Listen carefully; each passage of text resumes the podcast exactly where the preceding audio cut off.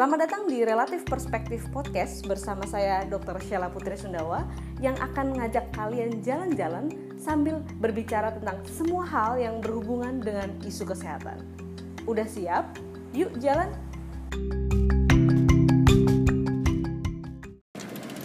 Nenek moyangku orang pelaut gemar mengarung luas samudra. Hai, ketemu lagi di Relatif Perspektif Podcast dan kali ini um, saya akan ngajak kalian jalan-jalan tapi ini jalan-jalannya spesial karena episodenya juga spesial.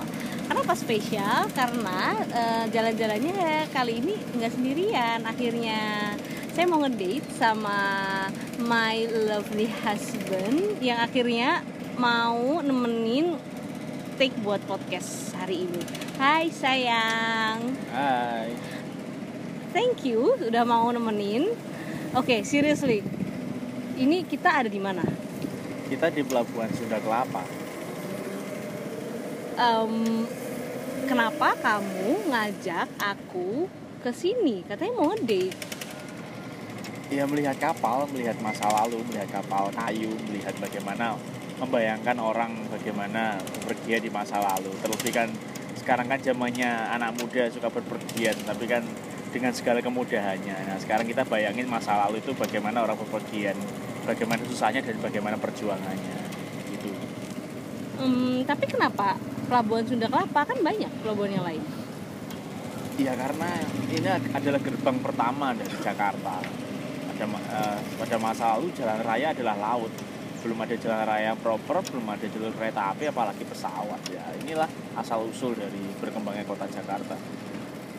Jadi ini pelabuhan pertama di Jakarta ya? Konon begitu katanya. Karena ceritanya kan Sunda Kelapa itu kan dulu kan sudah ada sejak masa kerajaan Banten, terus direbut oleh VOC, ya, dibakar semua sampai habis, dia bangun lagi, ya, dibunuh semua penduduk yang ada, diusir, dia bangun lagi dari awal dia bawa orang-orang uh, baru uh, dari berbagai suku orang Bali orang Jawa orang Sunda orang Banten orang Ambon untuk membantu mereka di kota yang baru ini dibangun Oke, okay, that's interesting. Oke, sekarang gantian aku yang nanya lah. Kamu dari tadi nanya-nanya terus. Ya abis, kamu ngajakin ke sini ngapain coba? Iya, namanya juga strolling randomly itu kan kadang hal-hal tidak diharapkan itu kan menyenangkan gitu. Aku mau nanya ya, membayangkan kita nih depan kita kok ini kan banyak kapal ya, banyak kapal kayu gitu. Sebenarnya penggambarannya kan nggak jauh beda dengan masa lalu, biarpun ini sekarang lebih modern. Kalau di masa lalu itu kan para pelaut itu kan kalau bepergian kan berbulan-bulan dengan sumber daya terbatas, dengan bersempit-sempitan. Kamu bisa cerita nggak sih kira-kira penyakit apa aja sih yang uh, tipikal yang mereka alami pada masa lalu. Penyakit kalau zaman dulu kan maksudnya nih? Iya. Oke. Okay. Uh, jadi kalau zaman dulu itu tuh ada penyakit yang mungkin kamu udah pernah denger sih ini agak terkenal istilahnya namanya scurvy. Pernah nggak dengar? Scurvy orang gendut, nah, aku nggak tahu itu apa itu namanya. Ya uh, bukan scurvy bukan orang gendut, maksudnya scurve S S C U R V Y. Berarti bukan kurvi ya? Bukan scurvy. Like scurvy gitu. Jadi uh, scurvy itu hmm, ciri-cirinya jadi orang tuh dia akan kayak kulitnya itu bisa tiba-tiba pecah-pecah. Udah gitu nanti akan timbul bula-bula gitu blister-blister kutil terus dia tuh keluar darah dari yang pecah-pecah tadi. Dan bukan cuman kulitnya itu di gusinya juga keluar darah-darah.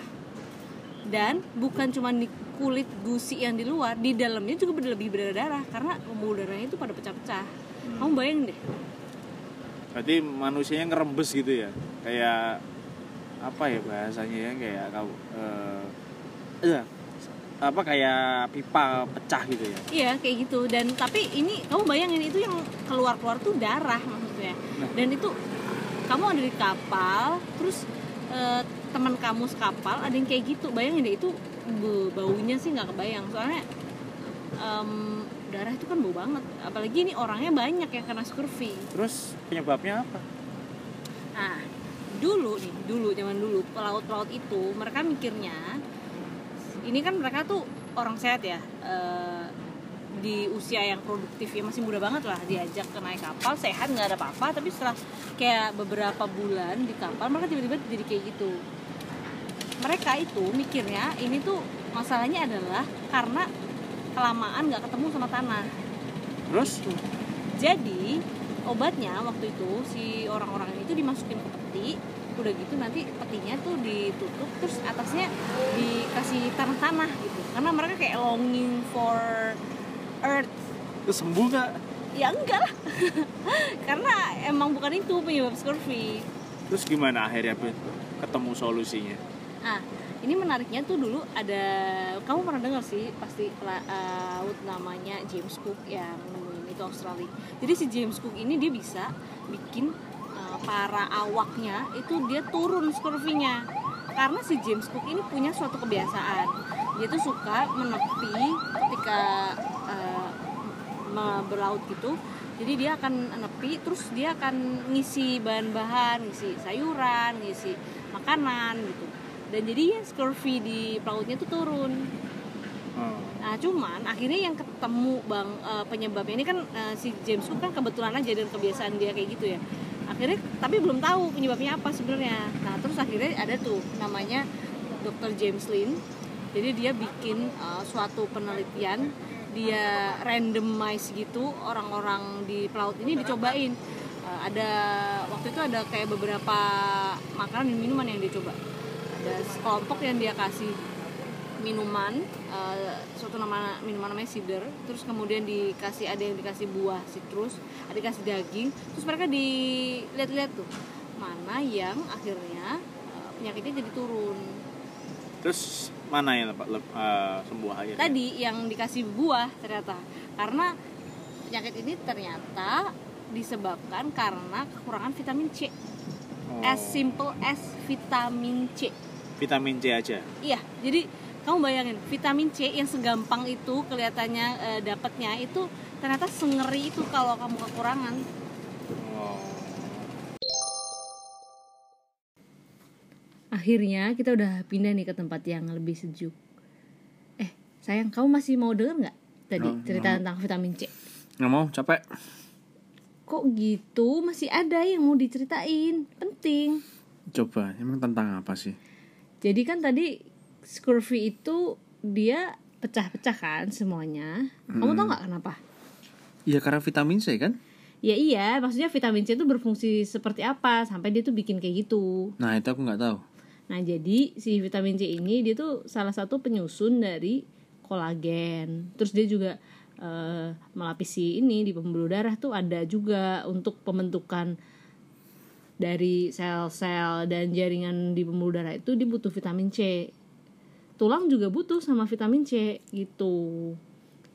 terus emang vitamin C itu vitamin yang lebih paling penting dibandingkan vitamin yang lain ya Eh, bukan paling penting, semua vitamin di tubuh kita itu penting. Tapi eh, vitamin C itu perannya sudah banyak ditemukan karena mungkin dia tuh yang per- paling pertama. Dia di paling pertama ditemukan bentuknya. Jadi untuk sekarang fungsinya itu kita udah tahu banyak banget.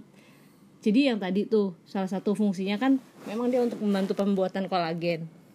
Nah, vitamin C ini sekarang juga diketahui dia fungsinya buat antioksidan. Kamu tau nggak? Itu? Antioksidan. antioksigen Bukan antioksidan. Jadi di reaksi tubuh kita tuh kan ada yang terjadi reaksi oksidasi gitu kayak pembakaran. Nah, oksidan dia tuh kadang menghasilkan reaks, reaktif dari spesies oksigen yang terlalu reaktif. Jadi dia bisa menghancur-hancurkan dengan dia berikatan sama sel atau bukan sel eh, dengan elektron-elektron bebas di tubuh kita gitu. hmm. Nah, si vitamin C itu dia ngiket-ngiketin tadi yang oksigen spesies yang terlalu reaktif gitu. Jadi dia sifatnya tuh bisa sebagai antioksidan.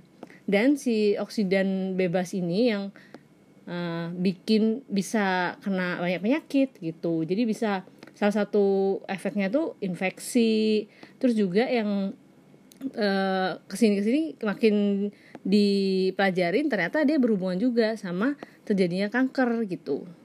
oke Jadi vitamin C ini sekarang jadi eh, salah satu teorinya adalah mungkin vitamin C itu bisa penting juga untuk kanker gitu. Dengan eh, pemberian vitamin C dengan dia sifatnya yang bisa mengurangi radikal bebas tadi nah mungkin dia bermanfaat nih buat kanker. Cuman studinya emang baru tahap awal jadi belum jelas gitu. Belum belum dipakai secara umum ternyata kan kekurangan vitamin C itu semengerikan itu. Nah jadinya ada yang namanya recommended dietary allowance. Artinya adalah e, berapa banyak kebutuhan yang dibutuhkan untuk menjaga supaya eh, zat-zat yang dibutuhkan di tubuh kita itu tercukupi dan supaya bisa berfungsi dengan baik tubuh kita. Itu namanya RDA atau tadi recommended dietary allowance. Nah untuk vitamin C sendiri RDA-nya itu sehari itu dia beda-beda. Untuk laki-laki dewasa dia jumlahnya lebih tinggi dibandingkan pada wanita dewasa. Kalau laki-laki dewasa itu jumlahnya sekitar 90 mg per hari. Dan kalau untuk wanita dewasa itu 75 mg per hari. Dan uh, ini kan jumlah minimal ya yang harus dipenuhi. Ada jumlah maksimal di mana sebaiknya tidak melebihi ini. Walaupun vitamin C itu baik, tapi tetap aja semua hal kalau jumlahnya terlalu banyak tidak baik. Nah, batas toleransi atasnya untuk vitamin C itu untuk orang dewasa sekitar 2000 mg per hari. Gitu. Jadi kalau kalian suka minum suplemen-suplemen yang disponsori atau dibintangi oleh Miss Universe itu itu nggak boleh. Lebih dari dua. Itu udah banyak banget dua. Nah untuk usia yang lain ukuran kebutuhannya itu berbeda-beda buat anak-anak buat anak yang lagi puber untuk usianya dan e, jenis kelamin laki-laki dan perempuan itu dia beda-beda misal nih buat anak uh, yang lagi remaja umur 14 sampai 18 tahun anak cewek tuh RDA-nya sekitar 65 mg per hari. Nah, kalau RDA untuk laki-laki yang usia 14 sampai 18 itu 75 mg per hari. Nah, kalian bisa deh uh, coba cari-cari di internet banyak kok uh, yang uh, menulis berapa RDA yang dianjurkan untuk vitamin C. Nah, terus bagaimana sih kita bisa ngukur vitamin C yang udah masuk ke tubuh kita jadi sebenarnya kan kita nggak mungkin ya nimbang satu-satu kita ekstrak dari mangga nggak mungkin dihitung vitamin C nya berapa jadi sebenarnya secara gampang kita bisa makan makanan yang seimbang Kementerian Kesehatan itu udah bikin yang namanya isi piringku di mana di situ ditentuin kira-kira seberapa banyak buah, sayuran, lauk, nasi yang kita butuhkan setiap kali kita makan supaya semua zat gizi yang kita butuhkan itu terpenuhi. Now you should check out this isi piringku and find out apakah makanan yang kalian makan sudah mencukupi rekomendasi tadi.